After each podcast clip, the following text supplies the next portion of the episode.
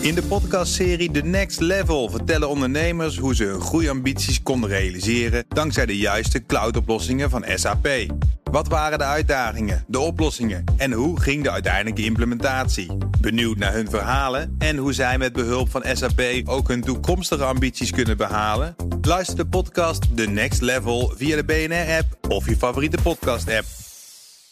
Nina van der Dungen? Ja, dit uh, vergeten we nooit meer. Is het nou een Monopoly of een Monopoly? Monopoly. Ja, Monopoly. Tech. Ja. Moet ik ook de Truth zeggen natuurlijk, hè? Truth. Gelukkig hebben we Connor Clarks. Dat klopt Ja, dan ook ik wel heb weer. dan ook daadwerkelijk een Engelstalige. Engels. voornaam. Dat dus kunnen we ook bent gewoon niet Nederlands Nee, uitspreken. ik ben er een halve ier, dus dan mag het. Nee, ja, van mij mag dat zeker. Ja. Dan heeft een Russische man bekend dat hij Tesla met malware wilde infecteren. Malware. Malware. Oh, sorry. Ga Ja, door. nu, is, nu is het genoeg, hè? Ja. Gaan even een verhaaltje vertellen. Het is een verhaal van eh, security.nl. Eh, het gaat over een Rus eh, die wilde via een werknemer infiltreren in de systemen van Tesla. Hij zou eh, daar een werknemer dus eh, eigenlijk om voor willen kopen. Hij had een beloning eh, beloofd van 1 miljoen dollar.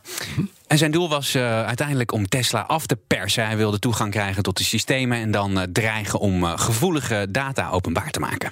Dat ging niet helemaal goed. Zoals hij niet had helemaal. gepland, hè? Niet helemaal Nee, volgens plan. nee, nee, Hij eh, vloog eh, er speciaal naar, eh, naar de VS eh, eh, toe om te praten met die eh, werknemer. Maar die werknemer die kwam niet opdagen. Die had gewoon de baas gebeld. En de baas die eh, had vervolgens eh, de FBI, of de FBI, als je wil niet. Nee, gebeld. is het genoeg, Connor. Gewoon even je verhaaltje vertellen. Kom op.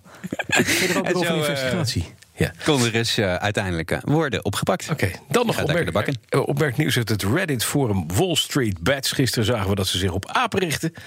Maar Ja, het rijtje van, eh, van gekke aandelen en andere dingen waar ze zich op storten wordt steeds langer. We hebben inderdaad GameStop gezien, hè, BlackBerry, AMC Entertainment. Gisteren of eergisteren dat curieuze uitstapje naar de Apenstichtingen. Ja. Deze week een eh, iets traditioneler eh, aandeel, Ja, Volkswagen. Volkswagen, waarom Volkswagen? Volkswagen. Nou, als je denkt dat eh, Volkswagen het nieuwe Tesla wordt. En dat komt eigenlijk door eh, die nieuwe ambitieuze verkoopdoelen die ze hebben gesteld op het gebied van eh, elektrische auto's. Mhm. En dus zijn die Redditors nu hun aandelen Tesla voor Volkswagen aan het eh, inruilen. Heel slim. Ja. ja, dat is mooi, hè?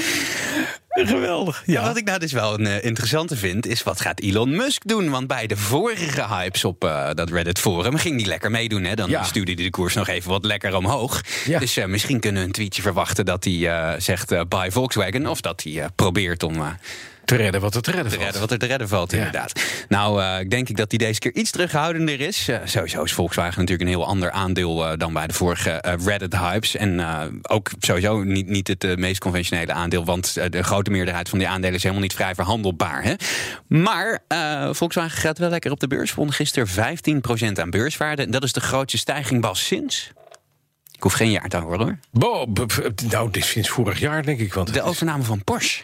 Oh ja? Ja, toen gingen ze ook, eh, Ook 15% omhoog. iets in de buurt Maar daarvan. het is ja. daarna is het alleen maar naar beneden gegaan. Dus wat dat betreft, dat was pff, 15%. Maar dit komt toch niet door Reddit? Nee, dit komt Oh. ook niet door Reddit. Dit komt eh, eh, natuurlijk omdat conventionele beleggers ook denken van... nou, hey, eh, Volkswagen trekt hier een, een lekker plan volgens mij. Ja.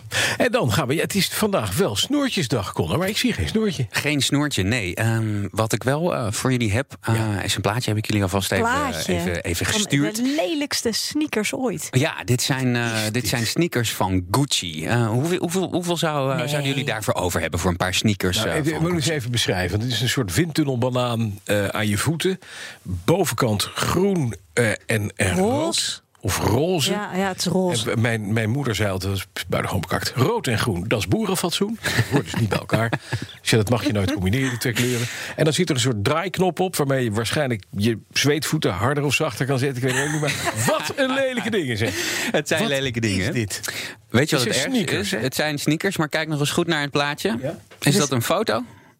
Ja, het is een fotootje, ja. Nee, het is een hele mooie render. Het zijn namelijk niet eens echte sneakers. Het zijn virtuele Gucci Ah, nee. sneakers. Dat meen je niet. Het zijn virtuele Gucci. eh, Virtuele Gucci sneakers, wat moet ik daarmee? Ja, dat is gewoon ik, een plaatje, eh, hè? Bas, ik moet echt een beetje oppassen om niet boos te worden. eh, maar dit is weer gewoon het, nog het zoveelste absurde verhaal van geldklopperij op internet. eh, Ja? Met allerlei onzin. Je kunt dus nu digitale Gucci sneakers kopen. 18 dollar kosten ze. Wat kan je er dan mee? Nou, dan kun je ze dragen in VR of AR eh, omgevingen op internet en in sommige games. Die sneakers die zijn uh, ontwikkeld met het bedrijf Wana. Dat komt uit uh, Belarus. En die zijn gespecialiseerd in mode en technologie. En de baas daarvan uh, van Wana die um, voorspelt dat over 5 à 10 jaar ongeveer die grote modemerken toch wel een relatief groot aandeel van hun inkomsten gaan krijgen uit digitale producten. En uh, Gucci die doet uh, volgens The Guardian hier ook uh, sowieso hele goede zaken. Want ze doen ook heel hele goede zaken op de markt voor kinderkleding. Er wordt heel veel kindersneakers en kinderkleding verkocht. Precies, maar echt, van Gucci. in het echt. In het echt. Ja. Maar dit soort digitale schoentjes... die kun je dus aandoen in gameplatforms zoals Roblox. En meer dan de helft van de gebruikers op, die, op dat platform... onder de 13. Ja. En die kopen dus allemaal nep. Wat zeg ik nep? Die kopen gewoon een plaatje. Ja, je koopt gewoon een plaatje. Maar je ziet, je ziet het ook dollar. voor 18 dollar. Je ziet het ook in, uh, in, in van die grote, grote spelletjes zoals Fortnite. Hè. Daar, daar kun je ook van die skins noemen ze dat. Dan kun je, kun je een outfit voor je poppetje krijgen. Kost gewoon echt geld. Uh, en dan levert het een uh, digitaal product op. Ja. Maar nu doet Gucci dus lekker mee met deze foei, foei lelijke sneakers. Eén voordeel. Je krijgt geen zweetkakken. Je krijgt geen zweetkakken. Nee, dat is lekker. En was dit een schaal van hebben, dan zei jij... Ja. Onzin. Wil ik niet hebben. Nee, wil ik ook niet hebben. Nee. Überhaupt Gelukkig niet, maar. zeg. Ja. Maar ik vind het wel een mooi. Dit is wel een mooie schaal van hebben. Hebben we nog nooit gedaan. Virtuele schoenen. Virtuele schoenen. Wat een, wat een onzin ding. Zou mijn vader zeggen. Ja. De BNR Conor Tech Klerks. Update wordt mede mogelijk gemaakt door Lenklen. In de podcastserie The Next Level vertellen ondernemers hoe ze hun groeiambities konden realiseren dankzij de juiste cloudoplossingen van SAP.